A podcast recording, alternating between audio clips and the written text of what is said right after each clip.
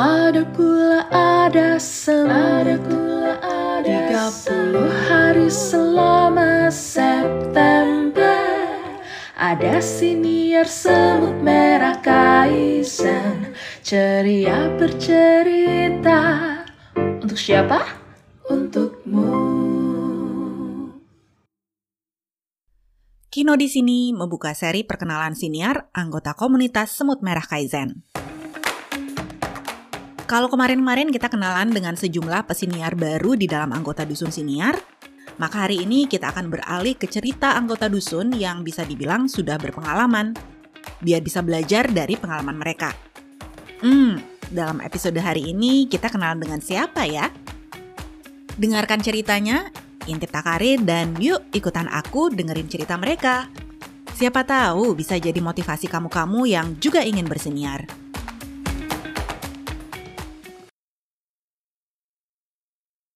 Halo, perkenalkan, aku Nindi, pesiniar kawakan SMK yang hari ini mengudara dalam seri kenalan September Ceria. Jujur, waktu bilang kata-kata pesiniar kawakan, aku tuh geli sendiri karena Julie doesn't have that much experience with podcast and stuff. Aku ada sih podcast yang ngomongin hal-hal random barengan sama satu temanku. Judulnya Bicara Banyak. Tapi, tapi, tapi, kali ini aku nggak akan bahas podcast. Aku akan bahas tentang kesukaanku yang lain, yaitu menulis. Pertengahan 2020, saat banyak orang sedang sibuk cari hobi baru, aku dan seorang temanku yang sama-sama suka ngehalu tiba-tiba punya ide cerita. Tadinya sih mau disimpan sendiri aja, tapi lama-lama mikir, sayang juga kalau punya cerita, tapi nggak ada orang lain yang baca. Akhirnya, kami memutuskan untuk nulis di platform gratis, yang warnanya oranye itu loh. Akun kami namanya Peers and Pearls. Nah, selama perjalanan menulis yang belum panjang ini, ada pertanyaan yang sering aku dan partner menulisku dapat dari warga. Kok bisa sih nulis berdua? Emangnya nggak ribet? Terus, kok bisa writing style nggak kelihatan kayak orang dua yang nulis? Oke, oke. Sekarang aku akan cerita tentang kreatif proses yang kami lalui selama 3 tahun terakhir. Tools yang aku dan partner menulisku pakai adalah Google Docs, Google Sheet, dan Notion. Dulu sempat pakai Trello sih, tapi ternyata kurang pas buat workflow kami. Biasanya ide atau premis muncul secara random, bisa dari pengalaman orang, inspirasi dari buku atau film, atau simply karena abis lihat salah satu artis yang vibe-nya kok asik kalau dituangin ke cerita. Ide-ide itu diinput ke Notion dalam bentuk bullet points. Kalau ide itu udah kepake, langsung ditandain supaya nggak berulang. Selain ide random, Notionnya juga berisi outline dan karakter card. Proses merancang-rancang ini dilalui berdua ya. Maksudnya, kami duduk bareng buat ngerjainnya. Kadang ketemu langsung, tapi lebih sering via Zoom. Soalnya kalau ketemu langsung, godaan ngegosipnya lebih gede.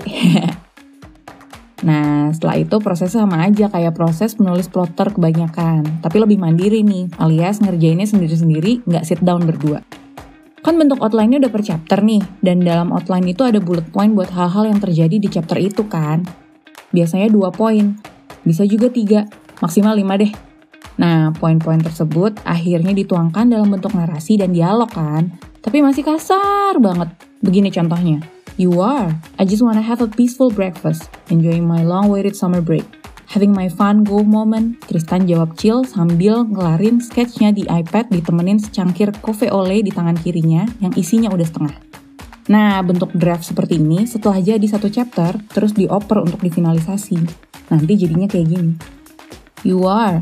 I just wanna have a peaceful breakfast, enjoying my long-awaited summer break.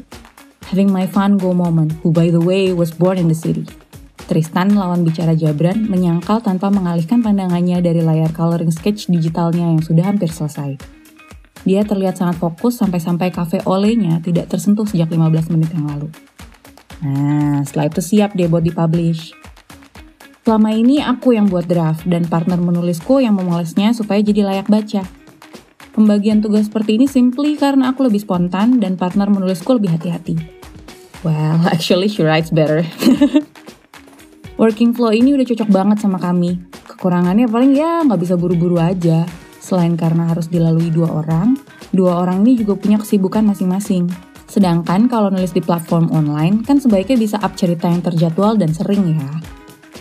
Aku juga mencoba nulis sendiri, di up di Twitter, dan ada juga yang masih ongoing di platform berbayar yang ikonnya gurita. Makanya aku juga ikut kelas Kaizen Writing supaya bisa asah skill menulisku. Tapi tetap sih, aku ngerasa cerita yang ditulisnya bersumber dari dua kepala, hasilnya lebih banyak warna. Walaupun saat nulis sendiri, aku juga bahagia sih sama prosesnya. After all, yang kita cari itu bahagianya nggak sih? Masalah long term plan, nggak ada yang muluk-muluk sih. Selama nulis masih spark joy buat kami, ya kami akan terus lakukan. Tapi, kalau ngomongin mimpi, sky's the limit kan, jadi baiknya muluk-muluk aja. buat para penggemar drama Korea mungkin nggak asing sama Hong Sisters dua screenwriters kakak beradik yang udah ngasilin banyak judul populer yang kenceng banget goyangannya di Hallyu Wave. Nah itu, maunya ya jadi kayak mereka itu. Semoga ada kesempatannya ya, amin. Ya kira-kira begitu deh ceritanya terus berdua. Semoga ceritaku bisa bermanfaat ya. Bye!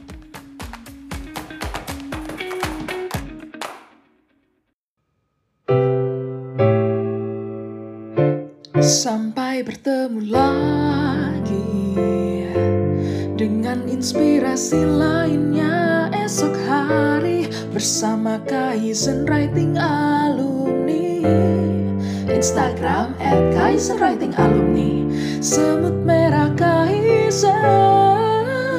Salam